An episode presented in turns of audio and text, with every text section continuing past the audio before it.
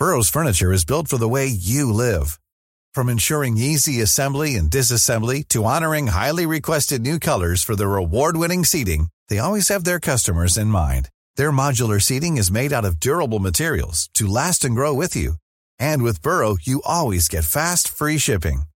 Get up to 60% off during Burrow's Memorial Day sale at burrow.com slash ACAST. That's burrow.com slash ACAST. burrow.com slash ACAST.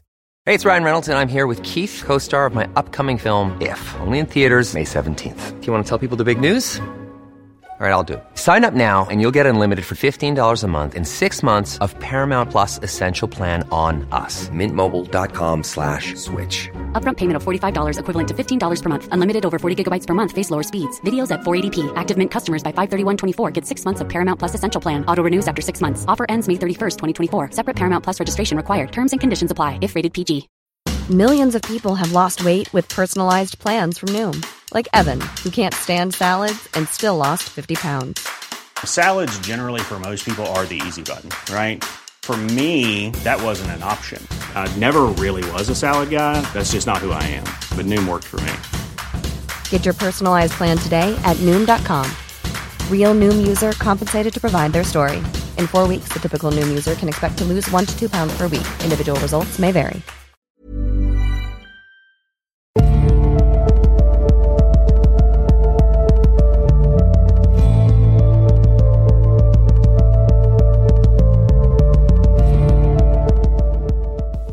Hei og velkommen til Tåkeprat.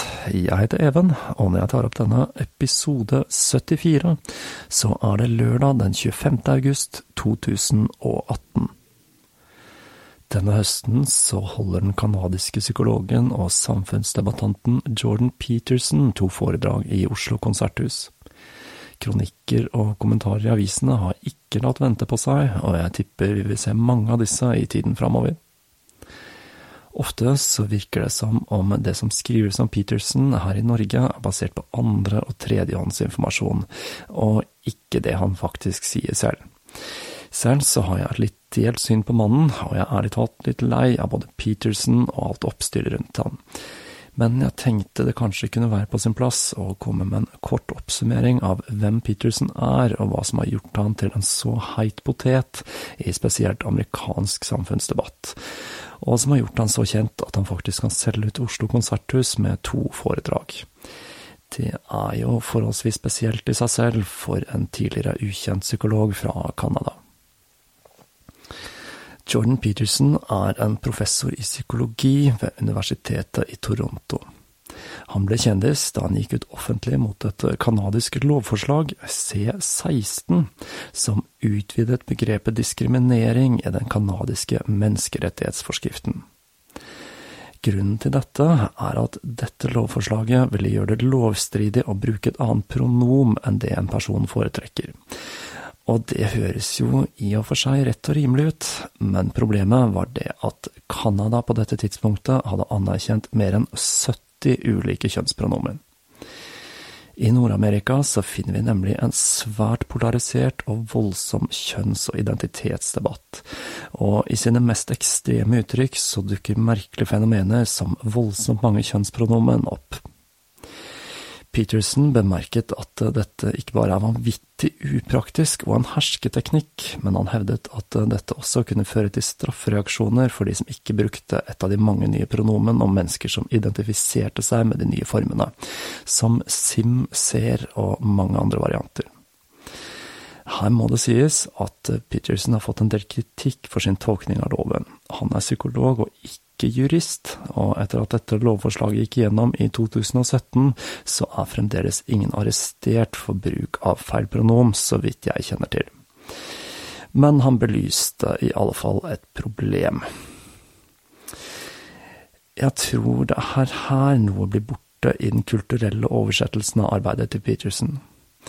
Det hele skyldtes at han opplevde framveksten av en kultlignende ukultur ved universiteter og colleger, der fenomener som ekstremt mange kjønnspronomen ble brukt som en del av en politisk agenda og en hersketeknikk.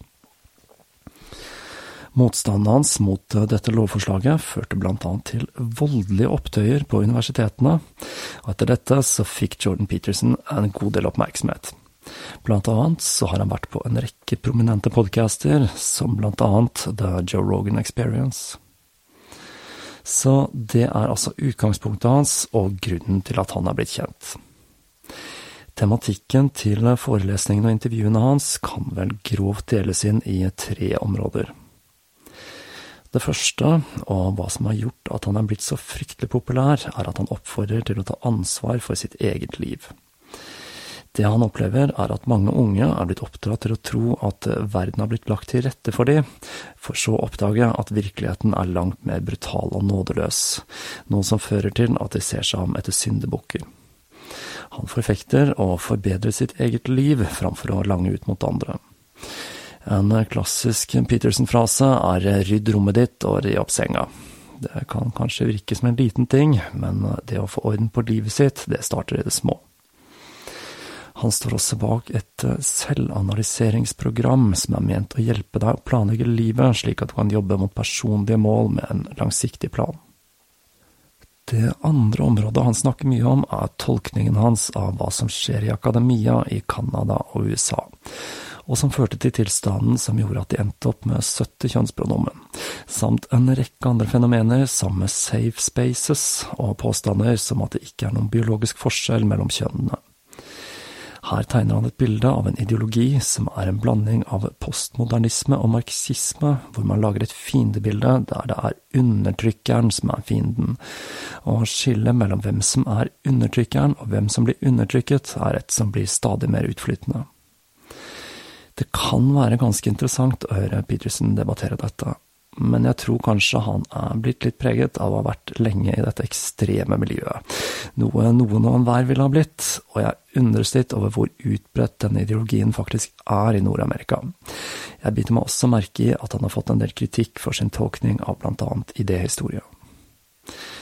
For de av dere som har sett den nye serien til Baron Sasha Cohen, Who Is America, så harselerer han nettopp med en karakter som er basert på denne ekstreme progressive dreiningen av kjønns- og identitetspolitikk. Han presenterer seg med noe i retning av I'm a white heterosexual cisgendered male, for which I apologize. Om du lurer på hva cisgender er for noe, så vil det si at du identifiserer deg med det kjønnet du er født som. Det er mye å holde styr på her. Det tredje området Peterson utmerker seg på, og et jeg løfter et skeptisk øyebryn til, er at han er kristen og verdikonservativ. Riktignok så er han ikke like ekstrem som det du finner i høyrefløyen i USA, eller i KrF her til lands, for den saks skyld, men han er en forkjemper for tradisjonelle verdier som kjernefamilien og monogami. Han har blant annet en foredragsserie basert på arketyper i bibelhistorien, og han har noen litt sleivete uttalelser, som for eksempel at kvinner ikke kan leve fullverdig liv uten å få barn. Men nå er ikke Peterson her sånn at jeg kan diskutere med han, og han er en akademiker og en intellektuell som hele tiden diskuterer ideene sine i det offentlige rom, og det betyr ikke nødvendigvis at alle er spikret. Han er kjent for å være uredd for å lufte kontroversiell og betent tematikk, noe som er kjennetegnet på en god samfunnsdebattant. Så selv om jeg kjenner at jeg er litt lei av Peterson etter å ha hørt ganske så mange timer med diskusjoner og intervjuer med han, så følte jeg det var på sin plass å komme med en liten kommentar her i Tåkeprat. For eh, selv om diskusjonen om Peterson og påvirkningen han har på samfunnet er på et langt mer jordnært nivå her til lands, så er debatten polarisert her også. Vi finner både ihuga fans som har et nærmest evangelisk forhold til Peterson og forelesningene hans, og arge motstandere som mener at han står for en patriarkalsk kultur og nærmest vil innføre sharia-lignende tilstander. Selv så ser jeg på han som en interessant samfunnsdebattant, og jeg tror retorikken om å ta ansvar for eget liv kan være nyttig for en del unge mennesker i dag. Samtidig så tar jeg en del av samfunnsanalysen hans med en klype salt, og jeg deler heller ikke hans tradisjonelle verdisyn, eller troen på at kristendommen stiller i en særsklasse som moralsk rettesnor. Som vanlig så er ikke ting svart-hvitt, og jeg håper at vi slipper at det norske samfunnet blir like polarisert som det amerikanske. Noe man ser en liten tendens til i hylekoret i kommentarfeltene i nettavisene. Og med den lille introduksjonen til Jordan Peterson, så skal vi tilbake til tåkeprat og dagens episode. I utgangspunktet så hadde jeg håpet å få presset denne serien inn i tre episoder, men jeg oppdaget raskt at det ble mest logisk å dele den i fire. I denne delen skal jeg se på Davies hjemkomst til Europa og rundreiser i Tyskland. I tillegg til hennes engasjement med grupper av nazister som rømte fra Tyskland når riket falt. I den siste delen skal jeg ta for meg deltakelsen hennes i dannelsen av nynazistiske grupper, og ikke minst så skal jeg se litt på esoterisk hitlerisme og nazisme. Her snakker vi både ufoer og nazisatanister. Jeg sparer med andre ord det beste til slutt. Så da hopper vi tilbake inn i historien, hvor Savitri Devi ankommet Europa i ruiner i 1945.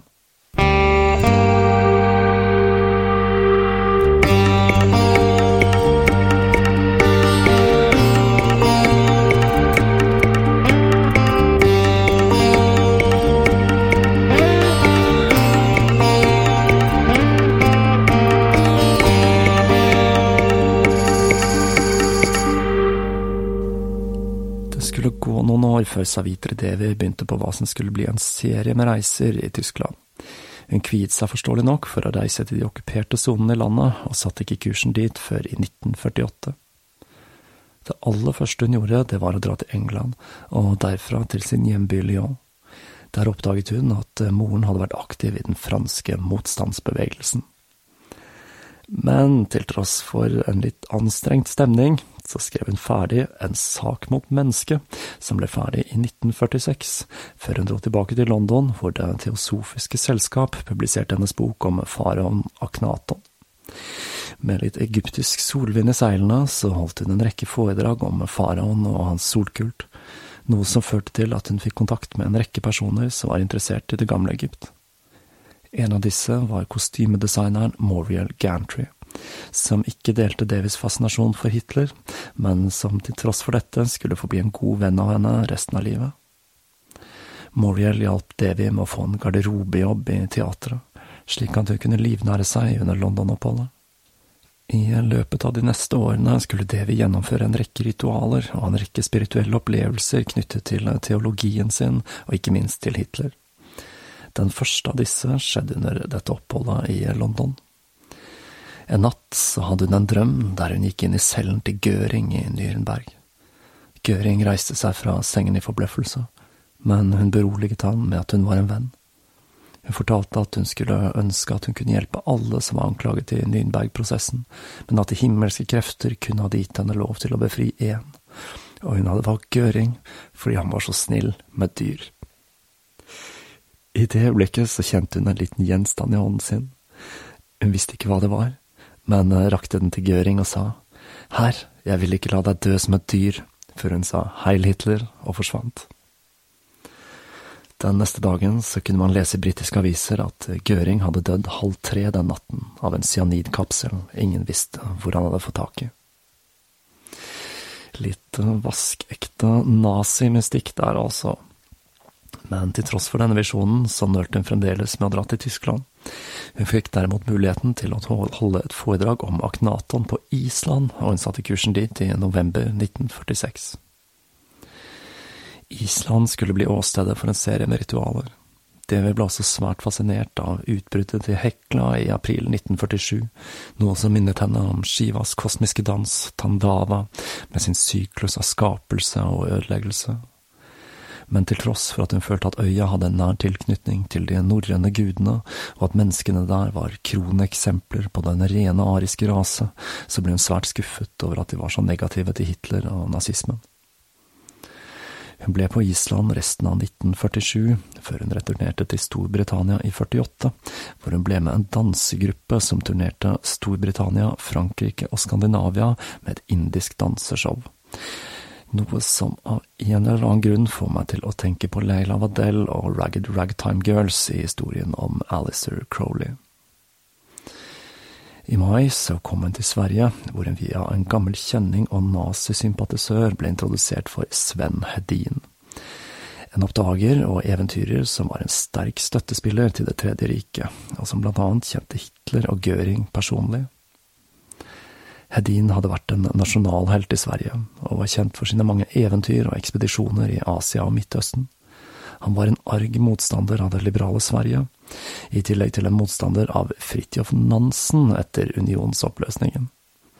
Han støttet Tyskland under den første og andre verdenskrig, og etter Tysklands nederlag så hadde han blitt fryst ut av det gode selskap.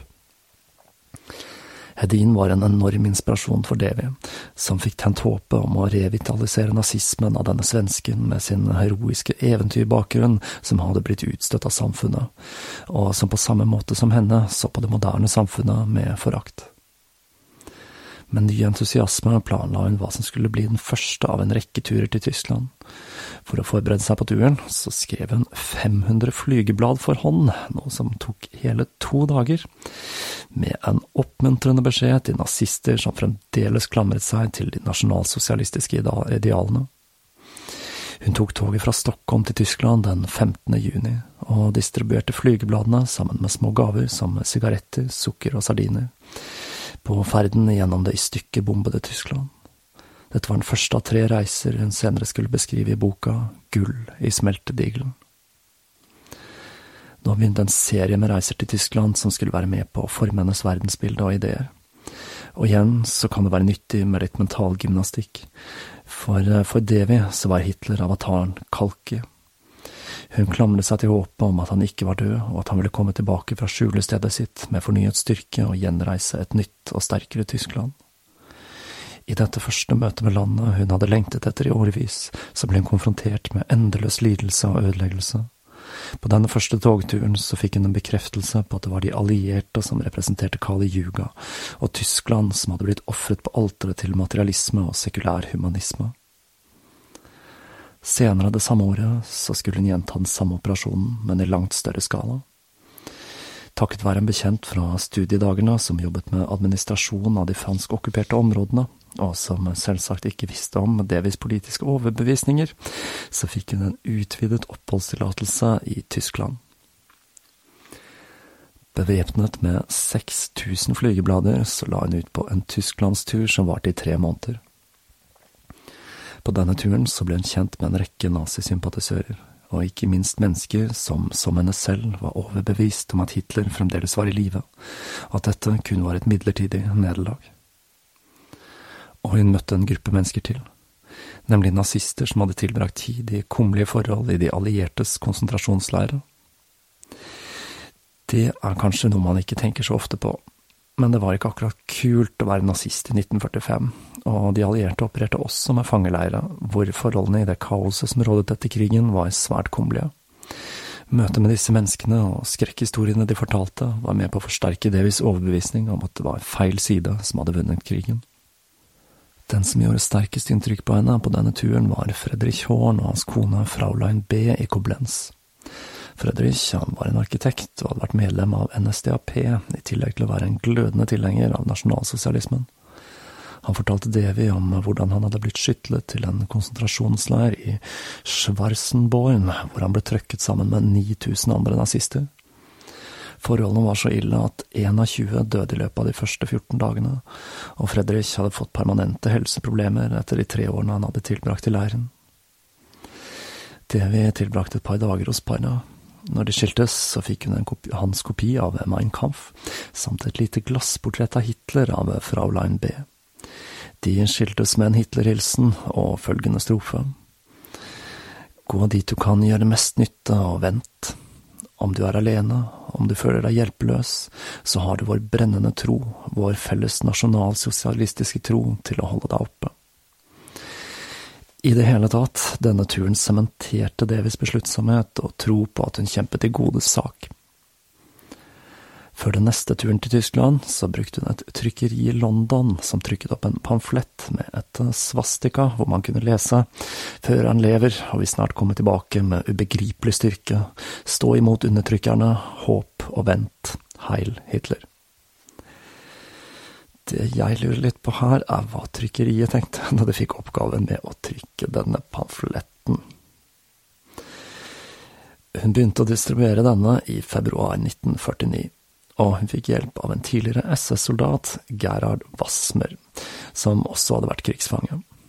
Han hadde vært i en arbeidsleir i Kongo, hvor forholdene var særs brutale, og kun halvparten av krigsfangene som ble sendt dit, kom hjem i live. Men Wassmer var tydeligvis en mistenkelig fyr, for han ble arrestert av britisk politi. Og da Devi etterspurte ham på herberget der han bodde, så ble hun også arrestert den 20. februar. Hun måtte vente helt til den 14. mars før den første høringen. TV ble siktet for å ha spredt nazistisk propaganda, og i ytterste konsekvens så kunne dette føre til en dødsstraff. Hun ble satt i varetekt i et kvinnefengsel i Verl frem til den endelige rettssaken.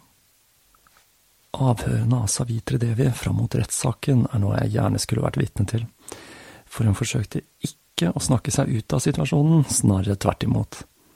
Hun fortalte om hvordan hun var overbevist om nazismens endelige seier, hvordan hun foraktet vestlig kultur, og om hvordan hun forestilte seg en utopisk framtid i harmoni med kosmos og rasesegregering basert på kaste og eugenetikk.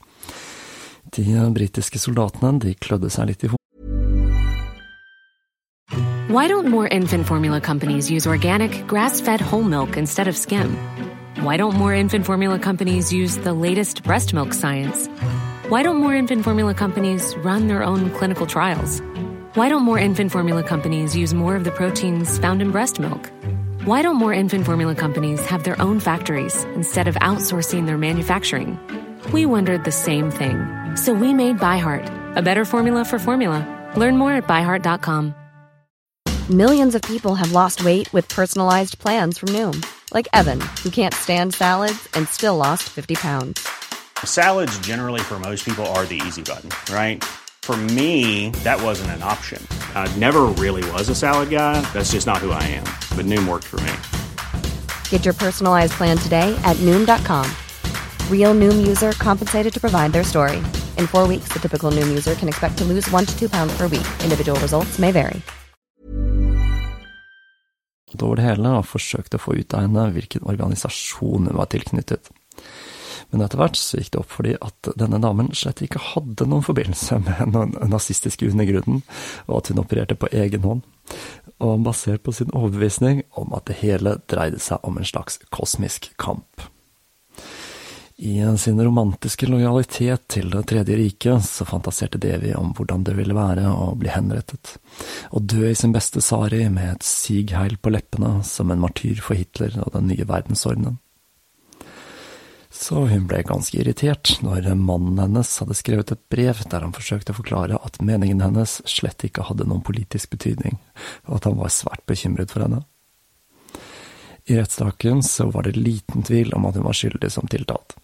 Hun holdt en lang tale om perfeksjonen til nasjonalsosialisme, og ikke minst sin enorme beundring for Adolf Hitler. Men om hun hadde håpet på dødsstraff, så ble hun skuffet. For hun ble dømt til enten tre år i fengsel eller deportasjon til India. Dommerne skjønte nok at de ikke hadde med en ordinær nazist å gjøre. Og hun da valgte da selvsagt fengsel for å kunne lide sammen med sine medsøstre. I kvinnefengselet i Werl var mange av de damene jeg snakket om, i døtre av Det tredje riket. De som hadde vært aktive i eutanasiprogrammet, og ikke minst avserinnen fra konsentrasjonsleirene. Dette oppholdet skulle bli Devis initiering i nazistenes rekker. Blant fangene så var vokterne fra Belsen. Det som var spesielt ille med denne leiren, var at den før frigjøringen i april 1945 hadde mottatt haugevis av fanger fra andre konsentrasjonsleirer, og 40 vakter hadde ansvaret for 40 000 fanger i leiren hvor et utbrudd av tyfus og ødelagte forsyningslinjer gjorde livet til et helvete. Grusomhetene som møtte de britiske soldatene i Belsen, er blitt et symbol på nazistenes brutalitet under krigen.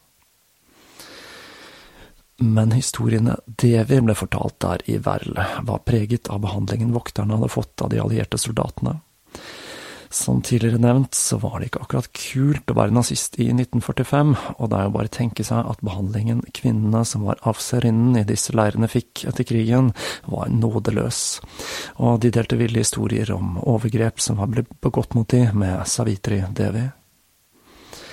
Igjen så fikk altså Devi bekreftet sitt syn og sin ideologi, og når mannen hennes sørget for at hun slapp ut allerede den 18. august 1949 med et femårig innreiseforbud til Tyskland, så tok hun et tåredryppende farvel med sine nye venner før hun ble sendt ut av det britisk okkuperte området, hvorfra hun dro til Frankrike etter å ha vært en snartur innom sine nye venner i de franskokkuperte områdene.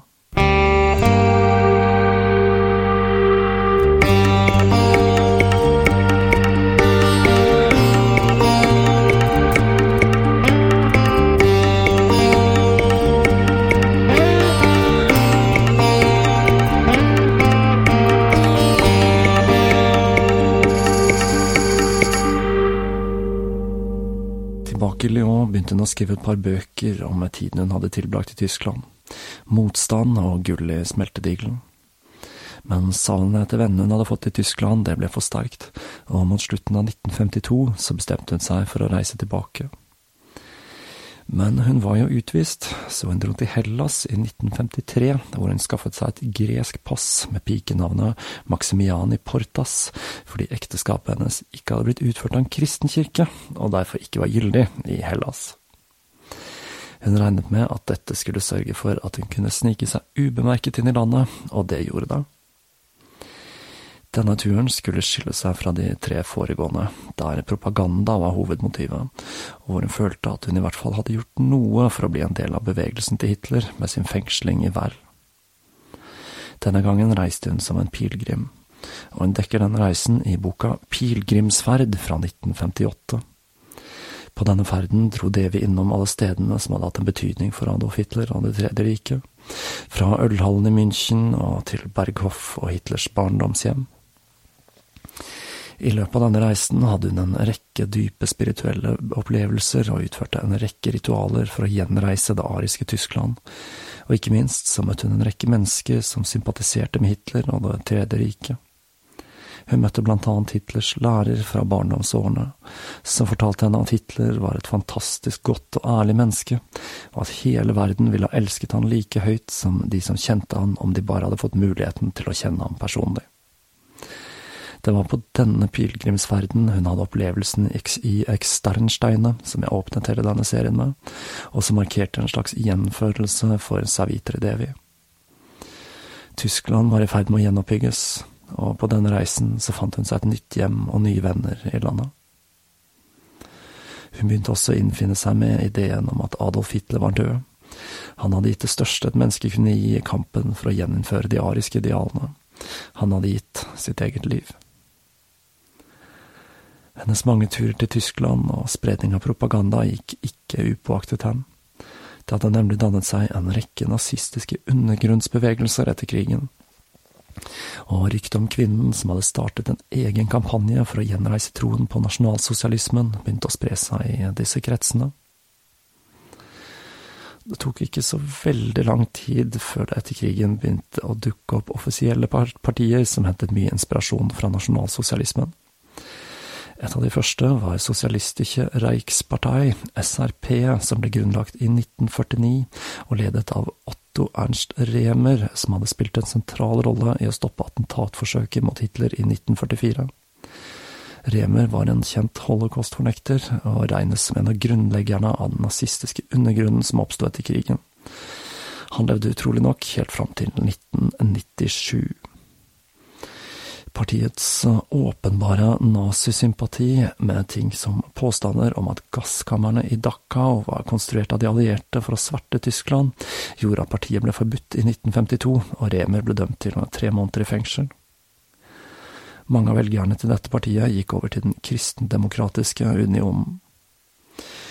Deutsche Reichspartei, eller DRP, var et annet av disse partiene, og dette kunne skilte med flere tidligere medlemmer av NSDAP. I tillegg så fantes det hundrevis av små grupper og bevegelser som var sympatiske overfor Hitler og Det tredje riket. En person som skulle være svært viktig for Savitre Devi, var offiseren Hans Ulrich Rudell. Denne mannen hadde en bakgrunn fra Luftwaffe, og han var en vaskeekte krigshelt. Han var så dyktig i luften at han til og med var høyt respektert blant de allierte. Rudell var den første piloten som noen gang senket et slagskip, og når krigen tok slutt i 1945, så kunne han skilte med hele 2530 timer i luften, og en svært imponerende smørbrødliste over mål han hadde bombet. Rudell var en nasjonalist uten partipolitisk tilknytning, som var ekstremt pliktoppfyllende. Noe som illustrerer dette, var da han måtte amputere beinet i 1945, for han returnerte rett til tjeneste like etter han våknet fra narkosen. Denne ekstreme pliktfølelsen hadde ført til at Hitler hadde laget en egen grad av jernkorset spesielt for Rudel. Etter krigen så hadde Rudel blitt en hardbarket forkjemper for nazismen. Han dro til Argentina, hvor han ble populær i det nazistiske miljøet der. Argentina var jo et av disse landene hvor en rekke prominente nazister flyktet etter krigen. Men det var flere land som tok imot Hitlers trofaste menn, noe jeg kommer tilbake igjen til senere.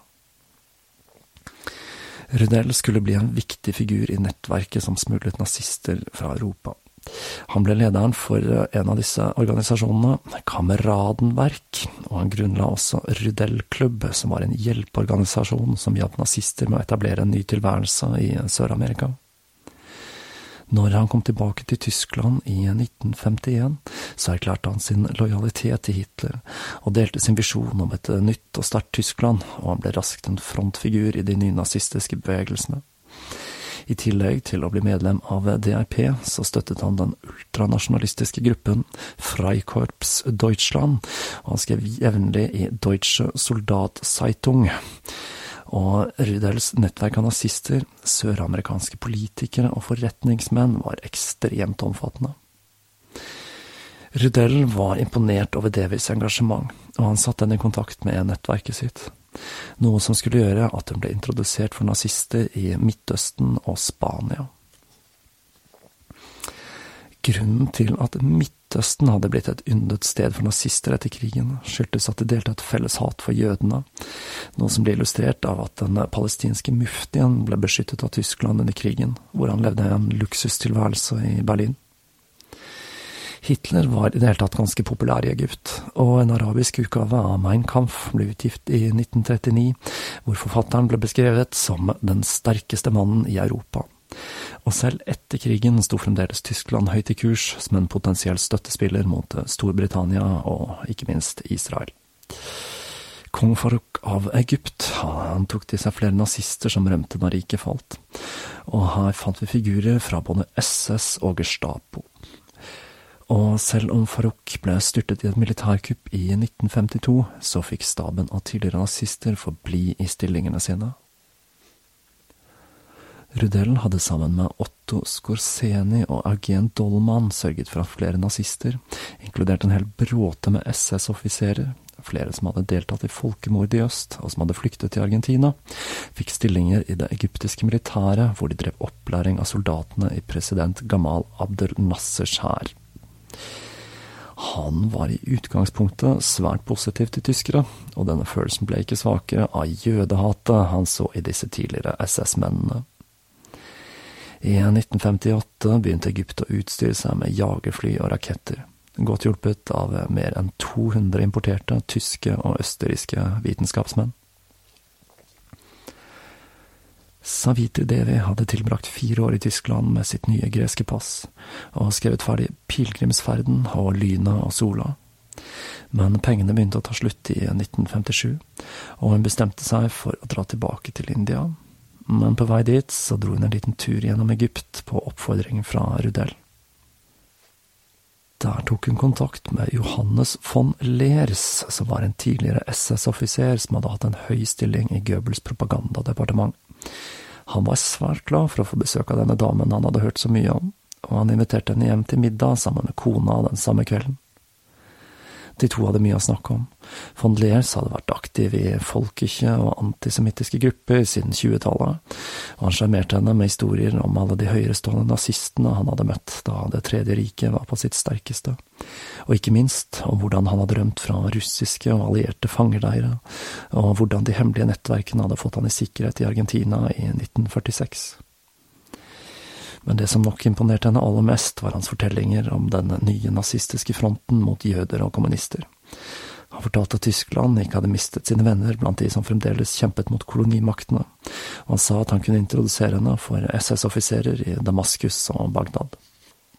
Etter å ha besøkt Tel El Amarna, stedet der byen til Aknaton hadde stått, så dro hun videre via Beirut til Damaskus, men hun ble skuffet da hun oppdaget at SS-kontaktene hennes hadde dratt fra landene på grunn av sommervarmen. Så hun dro videre til India, hvor hun i 1957 følte seg fri i et land hvor England ikke lenger regjerte, og hun kunne synge nazistiske sanger av full hals ut av togvinduet på vei til Delhi. Det er også noe jeg gjerne skulle ha sett. I India hadde mannen hennes fått litt problemer med å finne arbeid av sin tilknytning til Tyskland og Japan men han hadde begynt å jobbe som en hinduistisk astrolog, noe som hadde gitt tilstrekkelig inntekt til å betale for trykkingen av sin kones bøker. Devisel tok seg en jobb som lærer ved den franske skolen etter å ha jobbet eh, som tolk i en periode. Men India var ikke lenger det samme. Nå som de ikke lenger var kolonisert av England, så var fascinasjonen for Hitler og Tyskland svunnet hen, og med morens dødsfall i 1960 så fikk Devi et nytt insentiv til å dra tilbake til Europa, og på vei til Lyon så dro hun innom Spania for å møte flere mennesker i nettverket til Rudel. I Spania møtte hun den tidligere SS-offiseren Otto Scorseni, som var enda en av disse viktige figurene i dette nettverket. Han hadde vært et av de første medlemmene i det østerrikske nazipartiet, og hadde gjort seg bemerket i en rekke spektakulære operasjoner under krigen. Skorseni regnes som grunnleggeren av det mest beryktede av disse nettverkene som smuglet ut nazister etter krigen. Organisasjon der MA-ligen SS-angehøringen, eller Odessa. Odessa med Bremen Bari, eller BB-linjen, var et nettverk av ca 250 agenter som hjalp tidligere SS-menn med penger, skjulesteder og dokumenter på vei til Middelhavet, hvorfra de dro videre til Argentina. Han skulle også ha vært en viktig brikke i operasjonen med å skjule enorme rikdommer nazistene hadde røvet i tyskeide selskaper i nøytrale land i de siste årene av krigen. I det store og det hele Skorseni var en svært viktig figur i den voksende nynazistiske scenen, og han drev med en rekke lyssky aktiviteter over store deler av Europa, i Midtøsten og Sør-Amerika. Han hadde også deltatt på den første internasjonale samlingen for nynazister og fascister i Roma i 1950, og en samling i Malmö i 1951 hvor den første internasjonale konfederasjonen av nynazistiske og nyfascistiske partier ble dannet, European Social Movement, eller ESM og den ytre høyrefløyen av denne konføderasjonen dannet en enda mer ekstrem fraksjon i Zürich i september 1951. Nouvelle Ordre Européen. Skorseni så på Devi som en unik talsperson for de nynazistiske bevegelsene, og han hadde invitert henne til sitt hjem i Madrid. Han følte at dette var en dame som kunne hjelpe til med å styrke de mange voksne nynazistiske bevegelsene, han fortalte henne om de mange nazistene og fascistene han hadde hjulpet å flykte via Odessa, som Ante Pavelik, som var statsleder i Kroatia mellom 1941 og 44, en periode hvor hans fascistiske bevegelse, Ustasia, hadde stått bak drapet på mer enn 800 000 serbere, jøder, sigøynere og kommunister. Pavelik hadde blitt smuglet til Argentina og dro senere til Spania, hvor han døde i 1959, like før det vi ankom.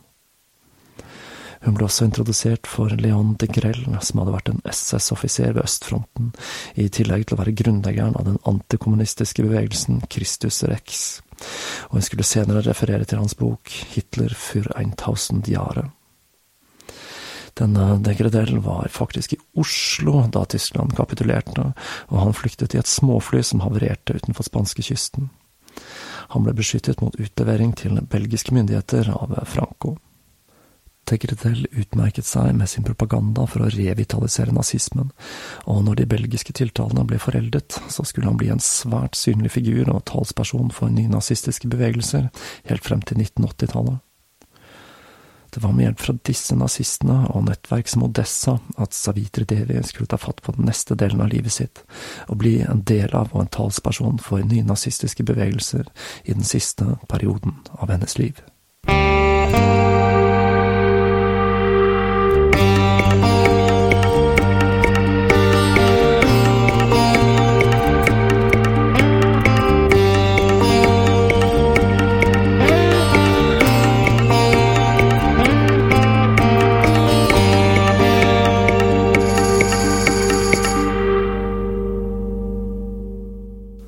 Blir altså fire deler i denne serien, akkurat som det er fire yugaer. Og akkurat som med yugaene, så kan vi vel si at den siste delen av livet til Savitri Devi, der hun rett og slett var en nynazist, er hennes Kali Yuga. Med andre ord den dårligste epoken. I neste episode så skal jeg også se litt på de ulike bevegelsene som kom i kjølvannet av Devis teologi og hitlerisme. Og her finner vi altså mange underlige fenomener, som ufoer og nazisatanister. Men dessverre så glimrer zombiene med sitt fravær. Det hadde jo vært litt stilig med nazi-satanist-zombie-lore, men for de som hadde håpet på det, så må jeg skuffe dere. Så jeg får heller anbefale filmen Shockwaves fra 1977, som faktisk kan skilte med undervanns-nazizombier. Men det er dessverre ikke satanister der, altså. Mens dere venter på den neste og siste delen av denne serien, så kan dere jo få tiden til å gå med å rate podkasten i iTunes, tipse en venn, følge på sosiale medier eller bli en patrion. Og når det gjelder foredragene til Jordan Peterson, så registrerer jeg at det er kun de dyreste billettene, som koster mer enn 2000 kroner, som er igjen. Men det er faktisk fremdeles mulig å skaffe seg billetter om du har svært dype lommer. På gjenhør.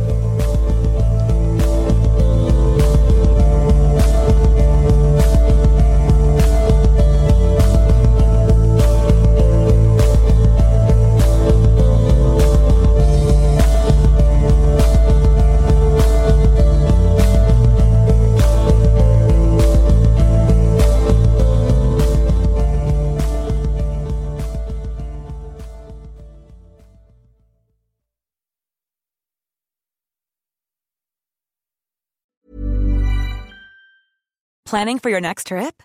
Elevate your travel style with Quince. Quince has all the jet setting essentials you'll want for your next getaway, like European linen, premium luggage options, buttery soft Italian leather bags, and so much more. And is all priced at 50 to 80% less than similar brands. Plus, Quince only works with factories that use safe and ethical manufacturing practices.